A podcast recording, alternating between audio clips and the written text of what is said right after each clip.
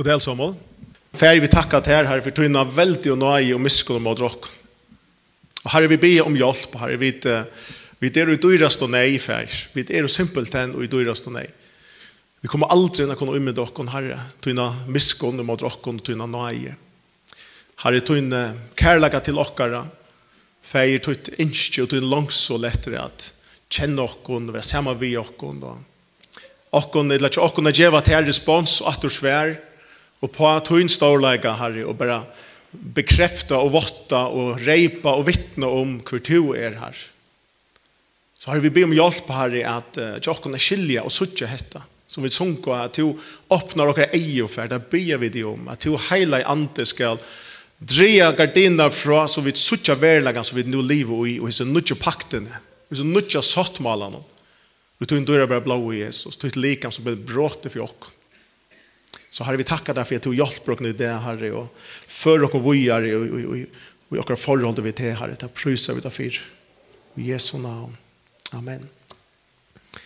Ehm Paulus skriver tar Paulus skriver sitt brev till samkomna Korint så ett fyra brev så häver han väldigt avbjångar. Han han ska inte bara skriva ett ett vanligt brev om ändlösle. Han ska skriva om näka som inte människa. Inte människa kan ummynda sig. Han ska skriva några några linjer uh, nere på papper som är er om ting som ungen hever opphoksa, som ungen hever se, som hever lønt, dolt, gömt fra opphavet av. Till en erbjörning, er det ikke det? Skriv tid av brev om okker som ungen nekar hever se og ungen kan opphoksa i sånne hjärsta. Det er ikke latt. Tid till hetta vi tar vi att göra. Ta vi det här vi okkar älska himmelska färger att göra. Til hetta vi har vi er gjerne at vi kunne ikke oppbuksa det. Vi kunne ikke umynda okkur under helt. Vi har en, en, en stor trobelegga. Heimsens største trobelegga. Det er i hele tiden å kunne opphuksa Gud, hver er du? Er du miskunnsamur, verlig? Er du heilavur? Hvordan heilavur er du? Er du rattvisur? Som hentan i serien vi er inne i samkomne løtene, ja? Og derfor er det ikke etter god, er du i hele tiden? Er du nøyrykker? ja, men uh, hva er det nå hvis jeg er? Og så vender vi kanonen ofte inn mot rocken. Ja, men, ja, men, uh, ja, men, god, ja, men, ikke annet. Ja, men god, er du der verlig? Hva er vi maler morgen til å ikke kjenne med uh, undertunner miskunn, god? Hva skal jeg fortelle om mine kjenslene? Her vil jeg møte om mine kjenslene vi. Eller skal jeg kjenne, skal jeg ta mot tunner nøye, ta jeg kjenne av meg at jeg vil oppe på det? Er det det god du vilt? Ja. Tui sier Paulus i, i sin første brev til samtalen Korint, i kapitel 2, vers 9, han sier at det som jeg nå kommer å fortelle dere, det som jeg nå kommer å si og skrive, det er det som ikke mennesker har opphokset i sin hjerte. Ikke mennesker i verden har sett, og ikke har hørt det. Hette det jeg kommer å fortelle dere. Fantastisk. Det er ikke spennende. Det er ikke old news, altså. Det er nødt. Det er noe som er kommet fra himmelen og nye lokken.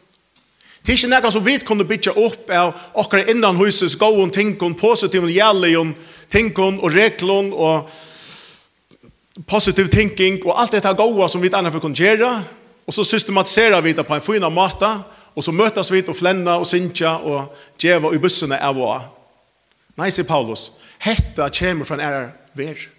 Hetta kommer fra avleika. Hetta er avleika som er kommet ned til tikkene i det. Hetta er avleika året som alltid vil til, Og nå får tid ertgångt til dette. Wow. Så jeg vet ikke hvordan samkom, hvordan samkomman har tidsi måter ta i brevet, første brevet til Paulus til Korinther blir litt opp. Jeg vet ikke det blir et tjekk om hva alle vi vil være hatt for nek. Tog sier Paulus vujere, at han har vers 90, i kapittel 2, at men, hette ikke nek av et opphoksa, men han har oppenberat det Han kommer att uppenbära där. Han kommer att visa där.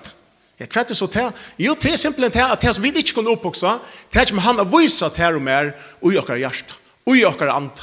Vi så innan hela anta. Og det er det som skriften er givet noen til. Ikke til til okkon at gjør okker, okker nye støver, men at suttje god, hva er det som to vår atla? Vi kan aldri skilje hans miskonsum. miskonsem. Vi kan aldri skilje hans av nøye utifra okkar lærdommen, utifrån okkar upphopan av vitan jöknon lenka tog til bæra tar vi suttja da, og i Kristus Jesus er at det blir livet. Jeg husker for at jeg kunne bare lykke tidsje på dette her gode miskunnsamer og nøyår. Uh, jeg skal komme setningen nummer 2 om 20 sekunder. Lykke som leser av setningen jöknon gode miskunnsamer og nøyår. Gjerne innan, innan tannan. Så... So. God er miskon og nøyur. Så tenker vi til å skifte året god ut vi året pappa. Pappa er miskon og nøyrykker.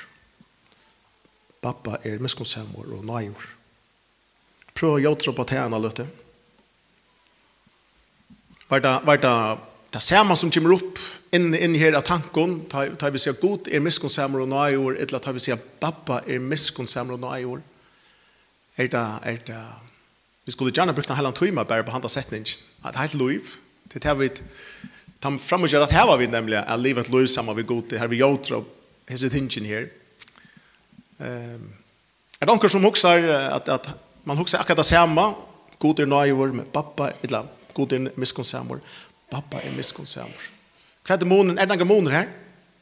Må man gjerne sier akkurat hvis man vil til. Kan du også ha? Pappa er mer personligt. Ja. Og hva andre her akkurat. Mer personligt, ja. Ja, akkurat det. Ja. Hvis man ikke har en god pappa pappamynd, eller foreldre min, eller mamma min, det kan vi nå lette ut her, prøver rett. Så er det noe som avvarskar okkar fætene av hvor god det er. Det er helt klart.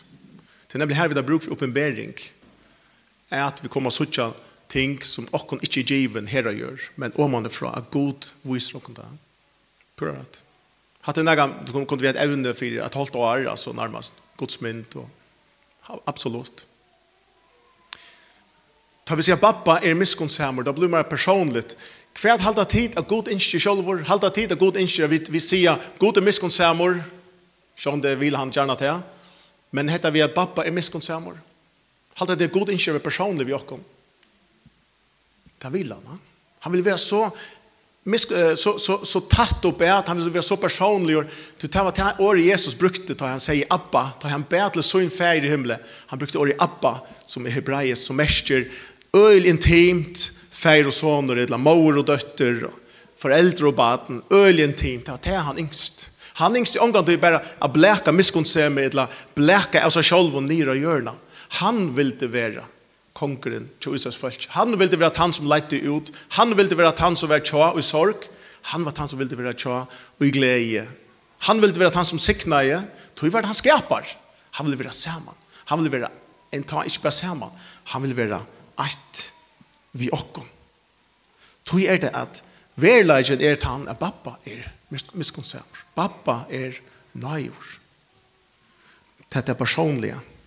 I Øre Mosebok 34, her sier Moses om god at god tu erst miskunnsamur. God tu erst naivur. Vi er i kapitel 22, vers 22, sier god om seg sjolvan at jeg er miskunnsamur. Jeg er naivur. Jeg er naivur Tjokken alla skrifterna skjutsar vid att god uppenbärar sig som en miskonsamman god, en nöjrygan god. Människor som börjar tryckva av, av herran, tryckva av god, börjar proklamera det samma, att god to erst nöjryg, to erst miskonsamr. Det er ikke bare noe vidt er kommen og ha her i år 2000, eller etter år 2000. Til alle tøyer tar oppenberingen om god til vi bo av hjørnet. Her var mennesker proklamere og gjøtta god som miskunn saman. God to er han vi kunne flytja til. God to er han som strikar ut synder. God to er han som litter opp til han fallna. God to er han som møter vi tunnar, tunnar kraft og tunnar nøye og endurreiser. Og god oppenberer eisen er i Mosebok 15 hvordan han leier sitt folk ut ur Egyptalandet vi sunne miskunn. Det er som om at her som god er, her er miskunn. Han hever ikke miskom. Han er miskom. Han slipper ikke undan til. At det er hans hjärsta. At det er hans elajt. Til så løsner han er ens og han er rettviser, heilaver, avgjør, alt vidant. Guds miskunn og nøye, leser vi det fjør Mosebok, hun er stor. Og så kan vi si, sjølvande er hun til. Hvor er det? Det er jo fra hånden. God er stor.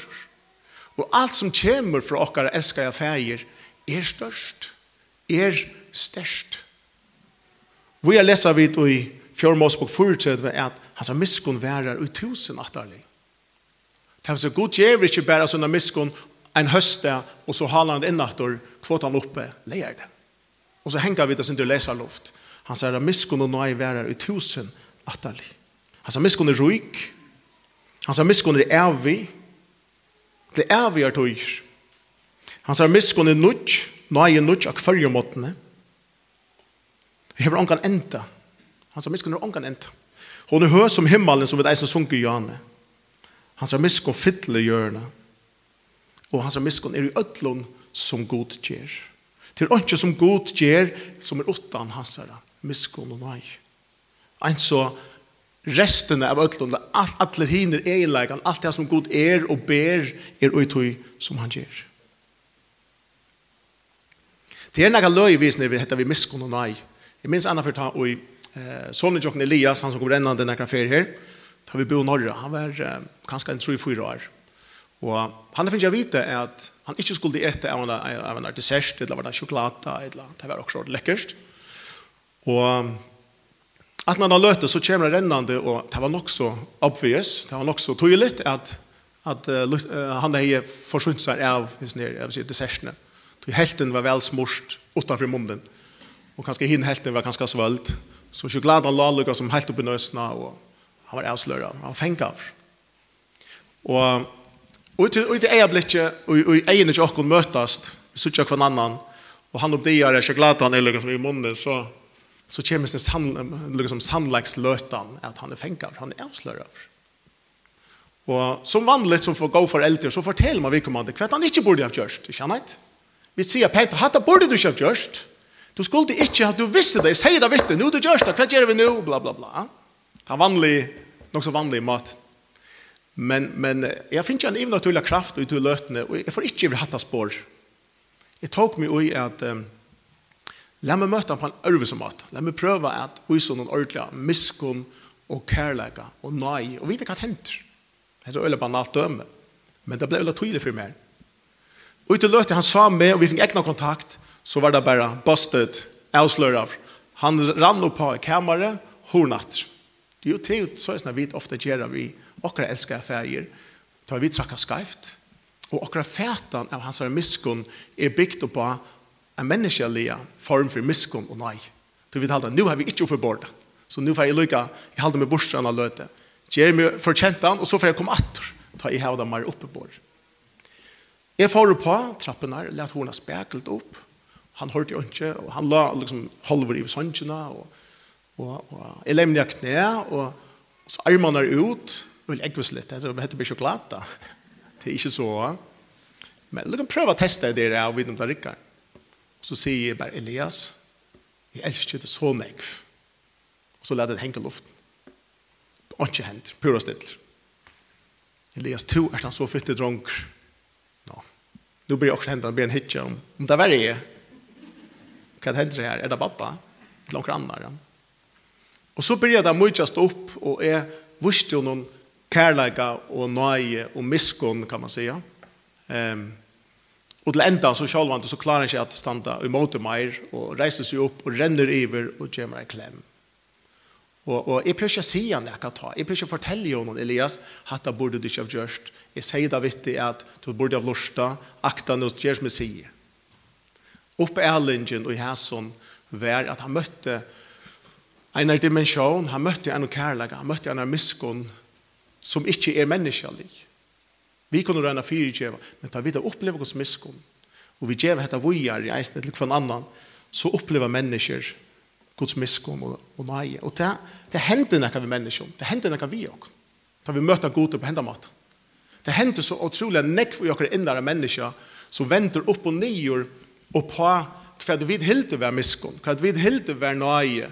Du vil huske at det er jo et marsk, det er et marsk for ødlom til at marsk fyrir snakka miskunn og god kan vise, til at marsk fyrir snakka nai jeg kan vise. Og for okkur menneske er det det.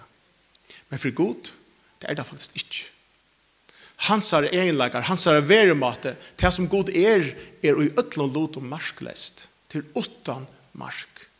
Til ånden endi atoi, djupe og eller dype og gode, ånden kan se hvordan djuper han er, hva han ber oppa. Hans er miskunn tid er endaleis. Hun værer at etter at eh, til öll, öll menneske.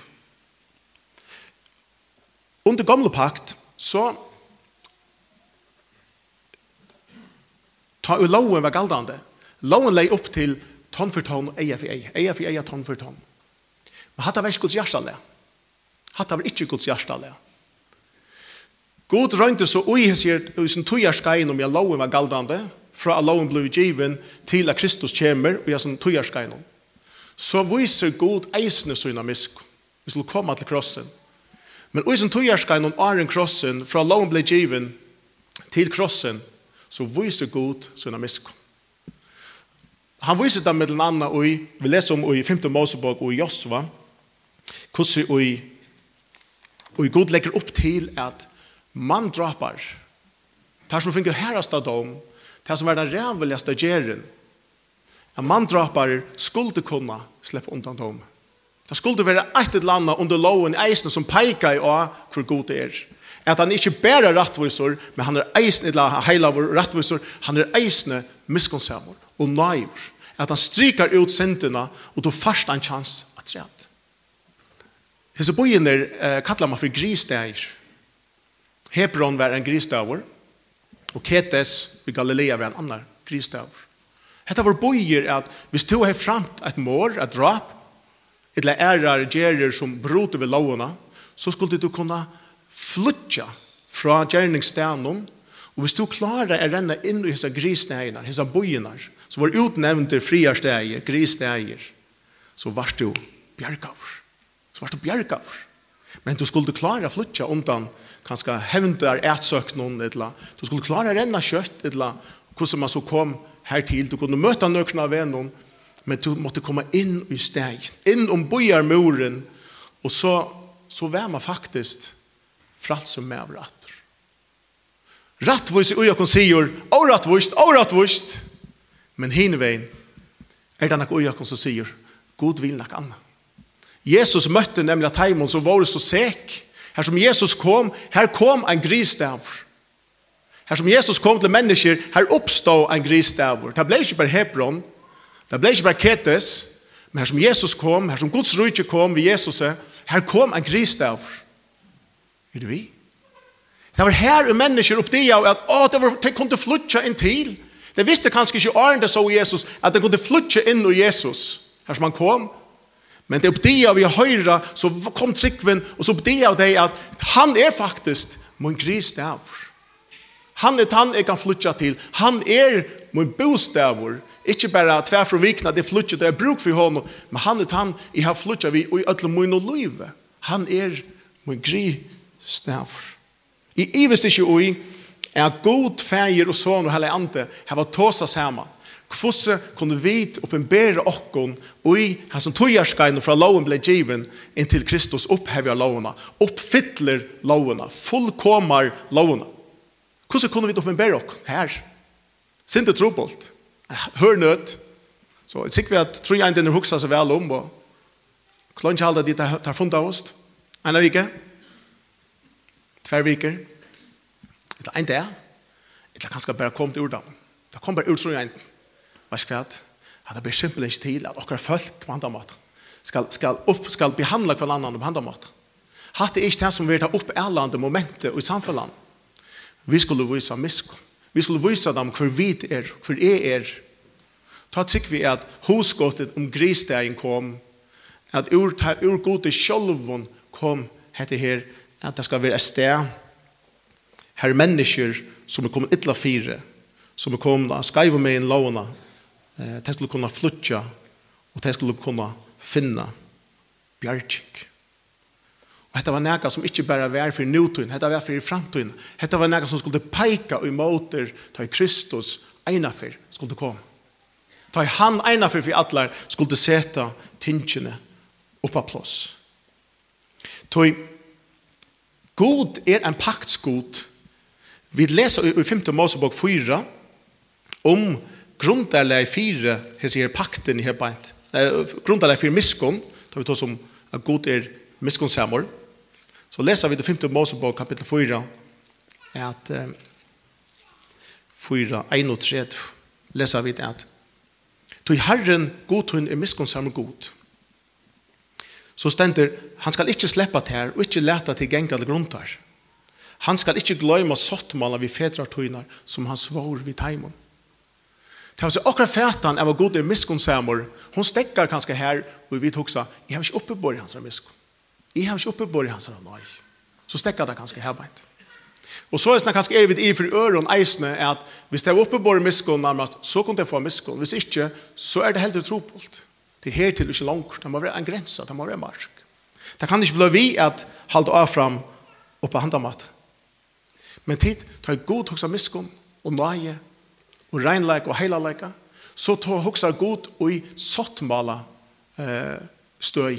Han huksar og i samanhengen av paktene, av paktsmalen. Ta i god ingonger enn av pakt vi, vi Moses, vi fyrste Mosebok 15. Nei, og, Moses, orsak, Abraham. Ta i god ingonger paktene vi Abraham, fyrste Mosebok 15.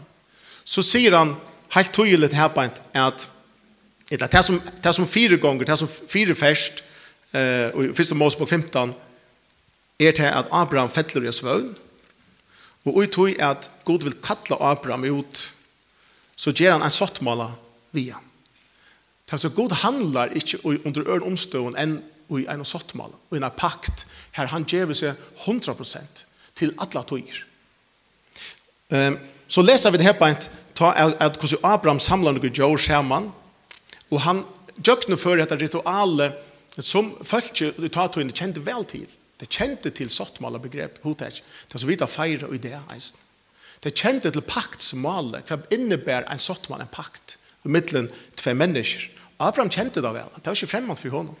At man inngikk en avtale, en kontrakt, ikke til som er det, men til som er ta, en sottmål.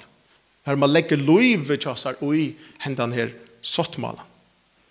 Så Abraham gjør klart, skjer så dyrende sunter, skil deg tvei. Men jeg tror at Gud ikke kunne inngenge paktene ved Abraham, til at han er jo et deilig menneske. Det er det som hendte for han som breit sottmålet. Det som hendte skulle være det som hendte hvis det dyrende som ble skåret ut vei. Det var symbol på hvis man breit disse paktene. Så det som hendte er at Abraham sonar, og Gud kommer som en lovende eldre i kjøkkenen, ganger ensamhet i kjøkkenen, hese her, sunderskårene dyrene. Tal seg at tar som, tær som inngång hessa paktuna, jinkus og Jöknon, mittelen hesa dyren her. Men Abraham sonar.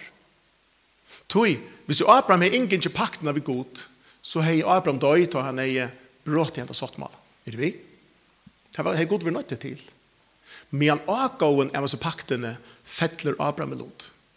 Avgåen av hessa paktene fettler Abraham i lot.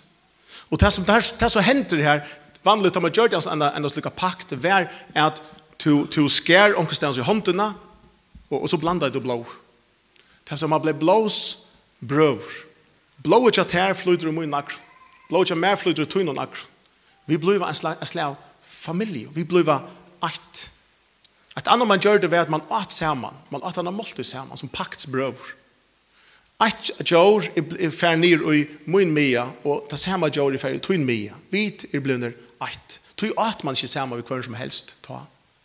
Tui kile man av kvöldmåltøy var øyelig heila fire lærersveinane og fire Jesus. Det var ikkje bare det som vi gjør i det, at vi takkar sindra brei og vune, men man hena heila måltøy saman året.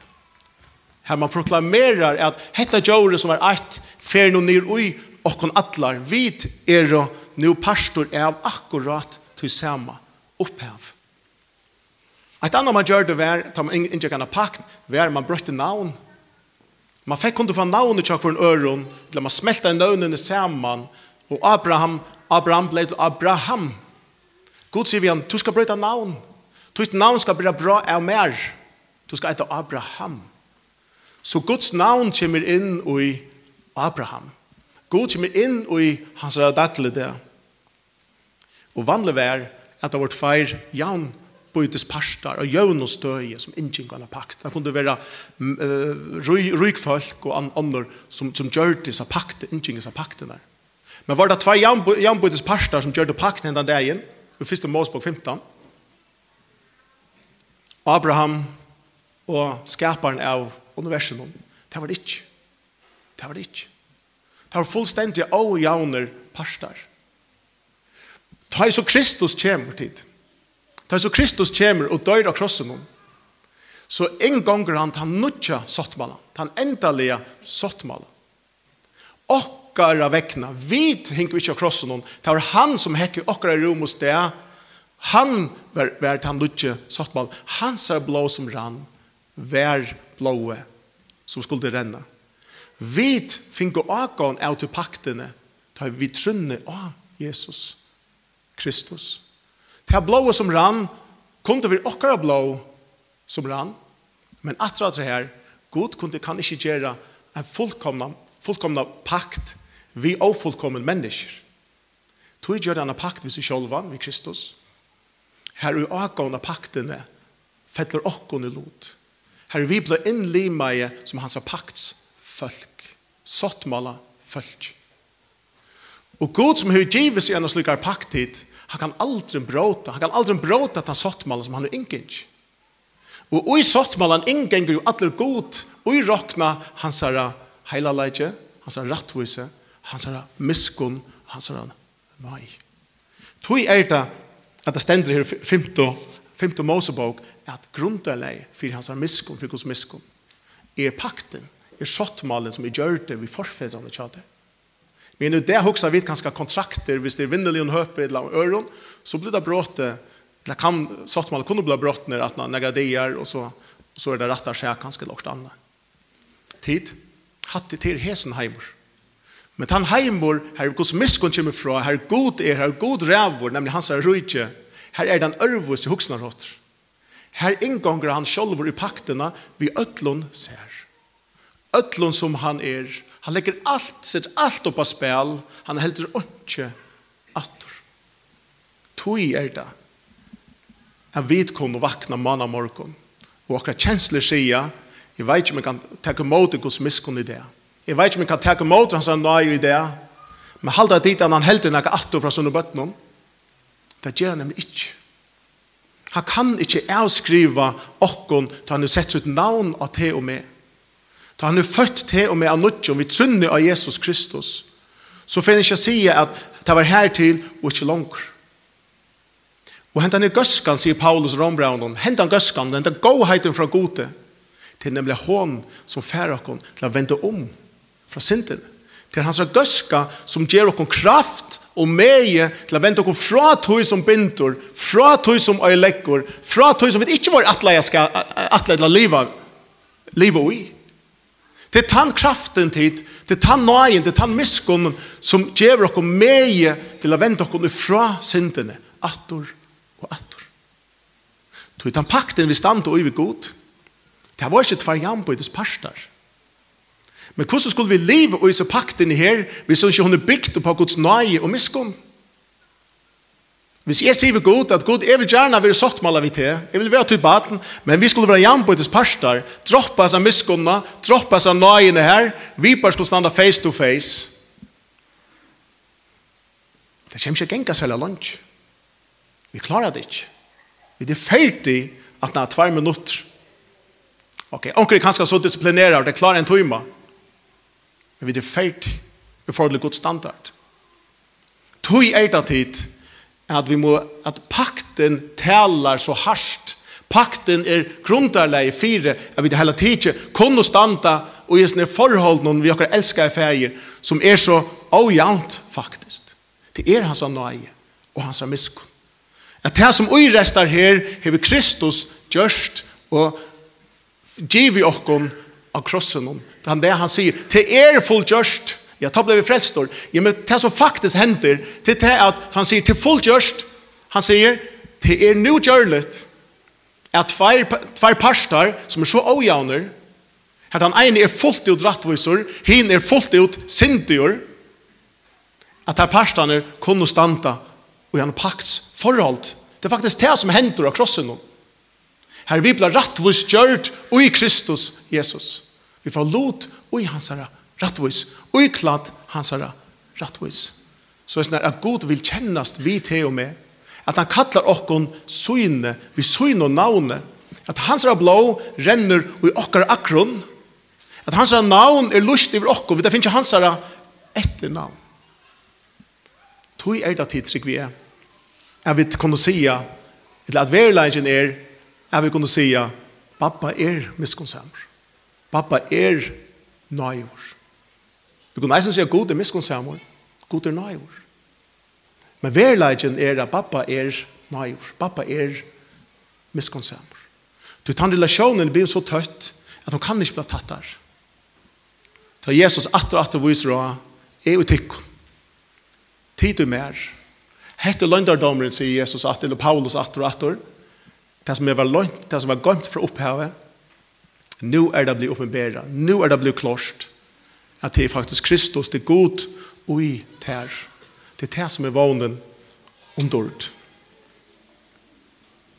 Tog er Paulus sier at vi er stersk i nøyene, vi er stersk i miskunn, Guds miskunn. Det er ikke nækka vi bare lesk okkur nævtid, til at hev vi blek okkur nøy kvendt det. Til nækka faunar vi blek okkur nøy kvendt det. Til okkara loiv.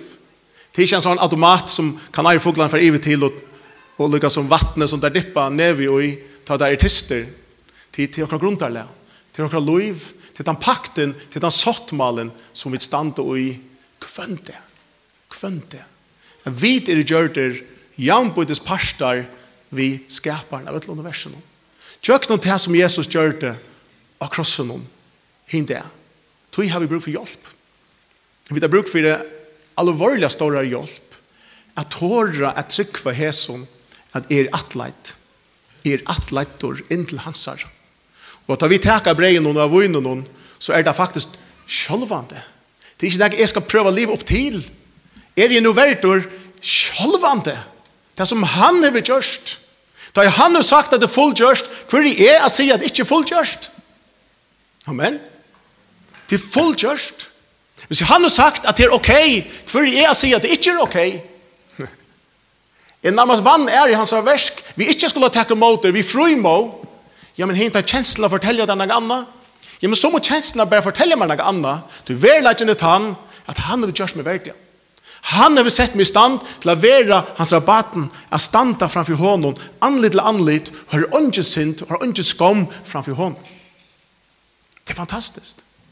Det er nesten hukmået, det er hukmået til menneske eion, Men det er det god har vi gjort. Det er det han har huksa og atla og så innom sattmål. Vi skulle han jo. Tog blivet det tid. Tog blivet det ikke eimugleik. Det blir ikke en god kristen holdninger og eimugleik. Ikke at jeg kan måte tog som god til vi sett og borreit fire tær og fire mer. Vi kunne huksa at god er kommet at jeg føler meg verdt igjen. Jeg skal lykke. Det er ikke at er god til at lust etter hva holdet forteller meg, til at lust etter hva det fallna mennesker forteller meg. Her god sier, kom, kom og et, kom og liv ut i verleggene om, at du nå erst under min miskun, du erst under munnar nøye, du erst inni under min pakt. Lætt her slippe at oppæla det, lætt her slippe at, at forma det, lætt det her være at han kraften og du møter frastingen i vi. Er det vi? Satan, djevelen, han elskar att så iva och i evangeliet och i pakterna. Han elskar så iva i det. Kvoi, du så blir fokus å komma åkon och vi blir trätja åkon atter. Då vi møter Guds ejon och har sjokolade om alla munnen. skjønne, och så trätja mig och gärna tog för jag kommer atter till jeg regner mun och finner klattningen på. nå kan Gud sutja meg som är det. It's not good enough. Det er eneste som är gott nog för Gud till det han har vi gjørst, Och ikke annet. Tog må vi komme framfor god, tog kommer vi framfor god, og til verste som han har vi gjørst, og ikke annet. Og ta kommer vi til å sånn at kjenslene kommer fyllt at han har, kjenslene kommer at erkjenne og bodja seg fire til verlegge, som god nå har sett noen oi, oi Kristus, Jesus. Ta vidt så tror vi at vi heter og sier til enda hans, at pappa er miskonsamor, så er det ikke bare nekka vi vågner for fremtøyene, så vi sier, sjølvand, sjølvand, Det gjør arrogant. Det gjør som om man tekta bare bøylet og sjølvant er pappa miskunnsammer. Pappa er heilavur. Sjølvant er pappa heilavur. Pappa er rettvisur. Sjølvant er pappa til. Akkurat god tid. Han er så storur at vi kunne fortalt for en øren disse tingene at heit lov til det vi gjør. Vi kom ikke til bånds. Og vi bruker et heit lov. Tog gjør vi godstjenest og tid. Vi er teka til verleggen og liv ut i verleggen som god nu sier at vi er sett i. Inn i Kristus, Jesus, vi hans herre, du er bare blå. Tui er det ikke kan skilje oss fra hans herre kærlighet og hans herre nøye og hans herre misk. Vi får bjør fram grymmer, kjennet. Vi sier jo, um, Henda nøyen og miskon er til okkon öll somul. Om vi kjenner herran, så er det til vi lever ui. Om vi er enda født, tryggvande kan vi nå kalla det, så er det til vi lever ui kvann det. Om vi ikke kjenner herran Jesus, så er det absolutt eisne til tøyen, til teg, a komme inn ui, at oppleve, a komme heim, hette det vi var atla til. Eisne om kjenslan forteller dere om vi ikke oppe, oppe det, Det er nemlig å ta vi da bruk for herren. Og tog er det god er god. Og det som vi ikke kunne gjøre, det er det han gjør. Det som vi ikke mekner, det er det han mekner. Og han, in, han innskjer det så innelig. At han fyrir fra dem og nødja av hans rettvis. Og han fyrir ut av leidet til de ene, som enn ikke er ordentlig kommet hjem. Men ånden er vilst og vi vilja tid. Jeg har hadde møtt en person som kører motorvinn. Jeg har aldri fra vittles vi vilja. Jeg er fra jeg er åtta her. Ånden er vittles vi vilja det han vet god betre enn nekar annar. Tog er hans hjärsta gonger ut, attor og attor, til de som ikke har funnet heim, og hans hjärsta er alltid ikke okkon vi som heva funnet heim. Men let okkon ikke blive avhengig av honom, av hans miskon, av hans nøye. Let okkon være storbrukar. Let okkon være tævig livet av kvønte. Annars gjør vi rom for holden. Annars er det holden som vaknar opp Og vi börjar huxa i om støye og ånne ära mekanismer kommer inn og ikke andas frukter som framveis.